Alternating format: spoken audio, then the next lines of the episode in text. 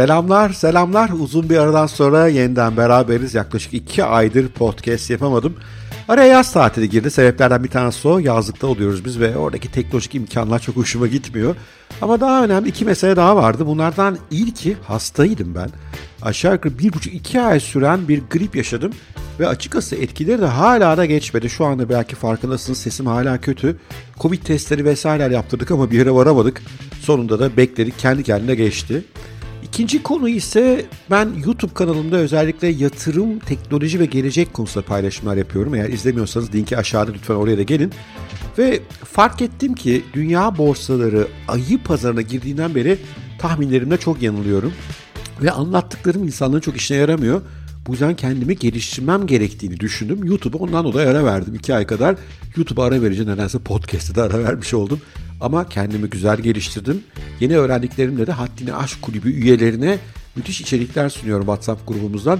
Hep beraber buralar yeniden güzel paralar kazanmaya başladık. Moralim yerine gelince de hem YouTube'da hem podcast'te tekrar yayınlara başlamak istedim. Tekrar merhaba o çerçevede. Belki unutmuşsunuzdur, belki de beni yeni takip etmeye başlamışsınızdır. YouTube'da daha ağırlıklı olarak yatırım, teknoloji ve gelecek konuşuyoruz. Burada ise girişimcilik, kariyer ve başarı gibi konulara odaklıyız. Daha kişisel gelişime odaklıyız burada. YouTube kanalımda mutlaka izlemenizi tavsiye ederim. Linkini de aşağıya bırakıyorum. Bugünkü konumuz sevgili Bilge'den geliyor. Bilge bizim blogumuzun yazarlarından ve geçenlerde bir yazı yazdı. Acayip beğenildi, acayip olumlu tepkiler aldı. Yazı pozitif düşünmenin toksikliği ile ilgili. Evet bize herkes aman sakın negatif düşünme, pozitif düşün diyor.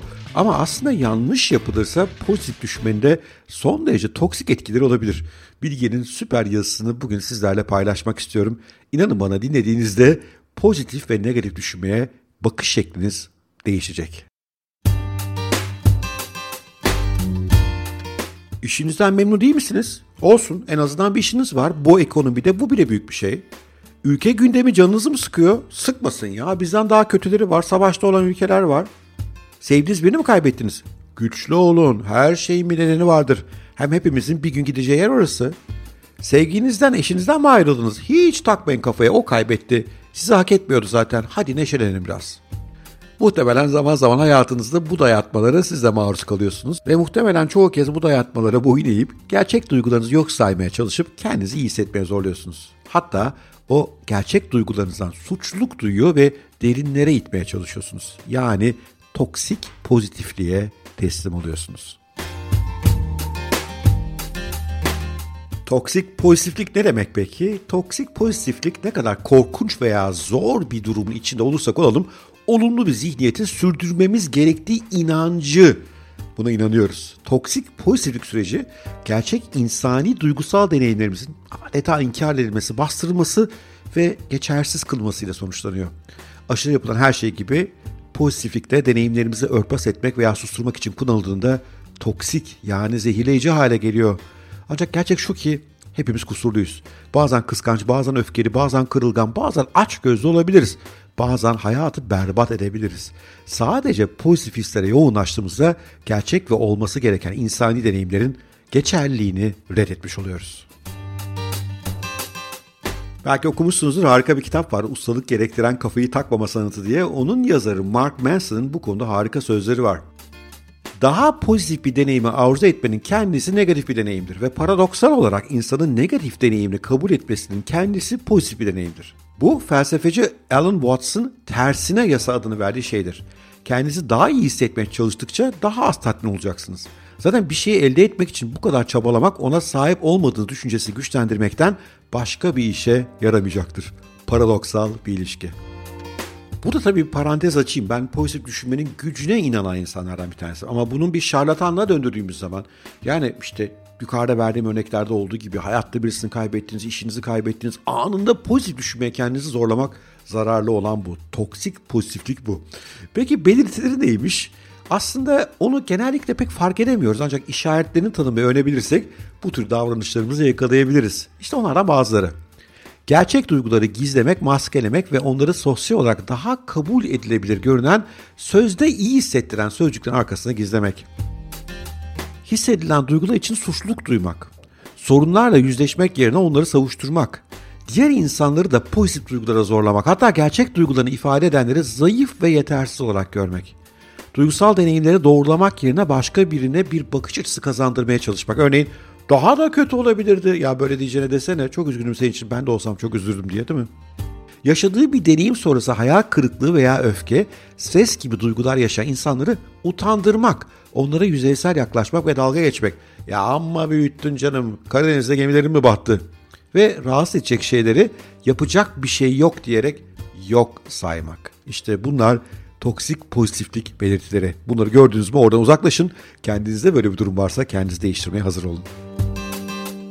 Peki toksik pozitif neden bize zarar veriyor? Birkaç büyük zarar alanı var. Bunlardan iyi ki utanç.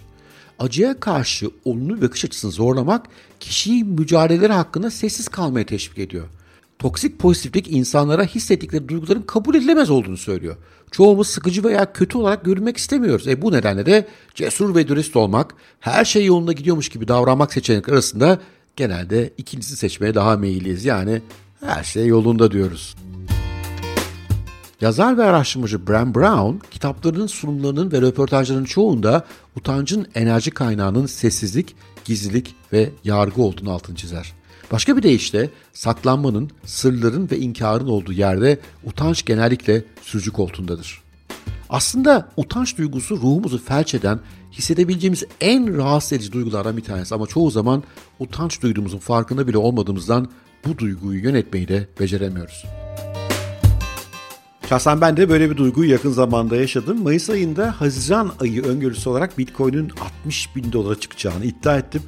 Kısa bir çıkış olacaktı bu. Bir ayı pazarı rallisi olacaktı. Ama buna çok emindim. Bunu YouTube kanalımda ilan ettim. Tam tersine o ay Bitcoin inanılmaz sert düştü ve çok utandım gerçekten. Çok üzüldüm bu paylaşımla. Nasıl böyle bir hataya düştüğümü çok analiz ettim. Görüyorsunuz podcastlere, YouTube'lara ara verdim utancı yönetmek kolay değil sağ olsunlar. YouTube ortamında da insanı utandıracak yorumlar epeyce geliyor. Ama utanmaktan vazgeçip de kendimi geliştirmeye karar verdiğimden beri işler daha doğruya gitti. O yüzden evet üzüleceksiniz. Ben hatalı bir paylaşım yaptım diyeceksiniz. Kabulleneceksiniz. İnsana dalga geçecek. Bunu hayıflanacaksınız. Belki biraz bir yaz süresi de gerekiyor olabilir. Ben de o yaz süresini ara vererek yaptım.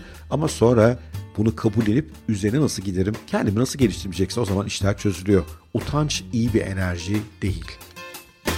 Toksik pozitiflik başka bir soruna daha neden oluyor. Duygularımızı bastırmamıza neden oluyor.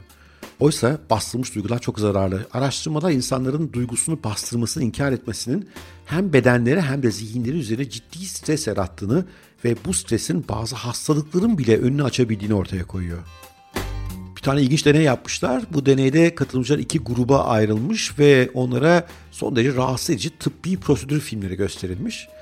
Bu film gösterilirken de kalp atış hızları, göz bebekleri, ter üretimleri vesaire ölçülmüş.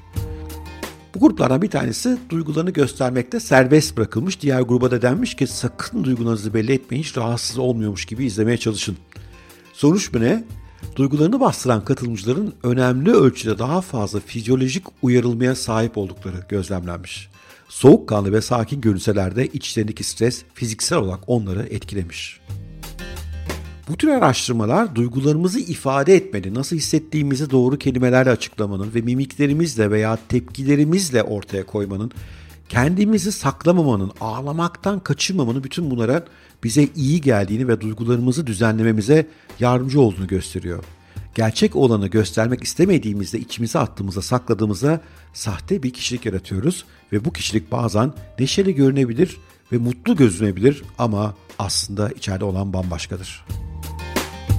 Bu şekilde pozitif ifade ve tepkilerin ardında saklandığımızda hakikatimizi inkar ediyoruz çünkü. Olumsuz duygular ise bir şekilde zihnimizin derinliklerine gömülüyorlar ve bu bastırmış duygular daha sonra kaygı, depresyon ve hatta daha önce söylediğim gibi fiziksel hastalıklar olarak gün yüzüne çıkabiliyor.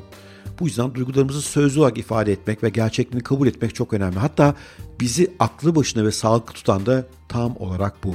İyisiyle kötüsüyle bütün olarak kendimizi kucakladığımızda yani kendimizi olduğumuz gibi kabul ettiğimizde çok güçlü bir duygusal yaşama doğru yol alabiliriz. Toksik pozitiflik ilişkileri de bozuyor. Gerçek olanı inkar ettiğimizde kendimizle ve dünyayla özgün olmayan bir şekilde yaşamaya başlıyoruz. kendimize bağlantımızı kaybediyoruz. Bu da başkalarının bizimle bağlantı ve ilişki kurmasını zorlaştırıyor. Çünkü gerçek değiliz, sahteyiz, içimizde hissediyoruz ve bence bu enerji karşı tarafı bir şekilde geçiyor. Zaman zaman siz de belki böyle polyanca insanlarla beraber olmuşsunuzdur. O tarz insanlarla beraber olduğunuzda kendinizi gerçekten rahat hissediyor musunuz, mutlu hissediyor musunuz? Gerçek benliğinizi ortaya koyuyor musunuz yoksa böyle tuhaf soğuk bir ilişki mi doğuyor? Bu tür kişiler dünyanın en iyi niyetli insanları da olsalar çevrelerine verdikleri mesaj şu. Benim olduğum yerde sadece iyi duygular izin var. Bu nedenle onların etrafındaki insanlar sahte kimlikleri bürümüş, rol yapan insanlar oluyor genelde. Bu hepimiz için geçerli. Kendimizle olan ilişkimiz için de geçerli. Başkalarıyla olan ilişkimize çünkü kendimizle olan ilişkimiz yansıyor. Kendi duygularımız konusunda dürüst olamıyorsak yanımızda gerçek duygularını ifade eden birilerini bulamayız. Sahte olursak sahteyi çekeriz, gerçek olursak da gerçeği. Büyük felsefeci Arthur Schopenhauer bu konuda şöyle söylüyor. Doğuştan gelen bir kusurumuz var. Hepimiz mutlu olmak için dünyaya geldiğimizi sanıyoruz. Bu kusurumuzu gidermedikçe dünya gözümüze çelişkilerle dolu bir yer olarak görünecek. Çünkü her adımımızda ister büyük ister küçük bir şey yapmış olalım, dünyanın ve insan hayatının mutlu bir yaşam sürdürmeye olanak verecek şekilde tasarlanmadığını anlayacağız. İşte bu yüzden bütün yaşlıların yüzlerinde aynı ifadeyi yani düş kırıklığını görmek mümkün. Schopenhauer gerçekten çok sert yaklaşmış konuya. O halde toksik pozitiflikten kaçınmak lazım. Etrafa da böyle kötü enerji vermemek lazım. Ne yapabiliriz mesela? İfadelerimizi değiştirebiliriz. Birkaç örnek. Kafanı takma pozitif kal yerine ne hissettiğini anlat, dinliyorum diyebiliriz. Endişe etme canım mutlu ol yerine sesli görünüyorsun senin için ne yapabilirim diyebiliriz. Başarısızlık bir seçenek değil yerine başarısızlık büyümenin bir parçası diyebiliriz. Her şey ona girecek kafayı takma yerine bu gerçekten zor aklımdasın sana destek olmaya çalışacağım diyebiliriz. Daha kötüsü olabilirdi canım yerine bu berbat. Bunu yaşadığın için çok üzgünüm diyebiliriz. İşte o zaman artık toksik olmayan gerçekçi ifadeler kullanıyoruz. Peki kendi içimizde yaşadığımız toksik pozitiflikten nasıl kaçınacağız? Bunun da yöntemleri var. Olumsuz duygularımızı yönetmek lazım öncelikle. Onları inkar etmeyeceğiz. Olumsuz duygular kontrol edilmediğinde strese neden olabiliyor. Ancak aynı zamanda yaşamınızda faydalı değişikliklere yol açabiliyorlar. Hatırlayın benim 60 bin dolarlık bitcoin tahmininin yarattığı değişikliğe şu anda çok daha iyi bir yatırımcı olduğumu düşünüyorum. Demek ki aslında o duyguyu yaşamak beni iyi bir yere götürdü. Ne hissetmeniz gerektiği konusunda da gerçekçi olmanız lazım. Stresli bir durumda karşı karşıya kaldığınızda stresli, endişeli veya korkulu olmanız normal. Bu sizin korkak olduğunuzu da göstermez, negatif bir insan olduğunuzu da göstermez. Kendinize o kadar çok şey beklemeyin. Öz bakımınıza odaklanın ve durumunuzu iyileştirmeye yardımcı olabilecek adımlar atın. bir anda birden fazla duygu hissetmek de çok normal. Bunu da kabul edin. Mesela bir zorlukla karşı karşıyasınız. Bu gelecek hakkında gergin hissetmenize neden olabilir ve aynı zamanda başaracağınıza dair umutlu olmanız da mümkün olabilir. Duygularınız durumun kendisinden genellikle daha karmaşıktır. Bir yandan da başkalarını dinlemeye ve destek göstermeye odaklanın. Birisi zor bir duyguyu ifade ettiğinde o zehirli basma kalıp sözleri asla kullanmayın. Bunun yerine hissettikleri normal olduğunu ve dinlemek yardımcı olmak için orada olduğunuzu gösterin. Bu kendinize de iyi gelecek. Ve son olarak nasıl hissettiğinize de dikkat edin. Olumlu sosyal medya hesaplarını takip etmek bazen bir ilham kaynağı olabilir ancak bu tür içerikleri görüntüledikten sonra ve onlar etkileşime girdikten sonra nasıl hissettiğinize dikkat edin. Bazen bu tip şeyler bizi yoruyor. Herkes hayatı müthiş, herkes müthiş şeyler yaşıyor. Herkes mücadele etmiş, başarmış. Bu bizi bazen yoruyor, bizi eziyor canlandırıcı, motive eden bu tip gönderileri gördükten sonra utanç veya suçluluk duygusuna kapılmayın. Zaten onların çoğu gerçek değil. Sakın kendinizi toksik pozitifliğe kaptırmayın. Bu gibi durumlarda sosyal medya tüketimi sınırlamayı da bir miktar belki düşünebilirsiniz. Evet bugünkü podcast'ın sonuna geldik. Umarım hoşunuza gitmiştir. Bilge'de bu müthiş yazısı. Eğer hoşunuza gitmişse ve bu tip daha fazla içeriğe ulaşmak istiyorsanız bizim e-bültenimize lütfen gelin. Ücretsiz bir e-bülten haftada 3 gün düşüyor postanıza. Harika içerikler yolluyoruz. Aşağıya linkini bırakıyorum. Bir de eğer beni izlemeyi sevmişseniz benim yatırım teknoloji konusundaki fikirlerimi merak ediyorsanız YouTube kanalıma da gelin lütfen. Onu da yine linkini aşağıya bırakıyorum. Sevgiyle kalın, hoşça kalın. Cuma günü kısmetse tekrar beraberiz. Görüşmek üzere.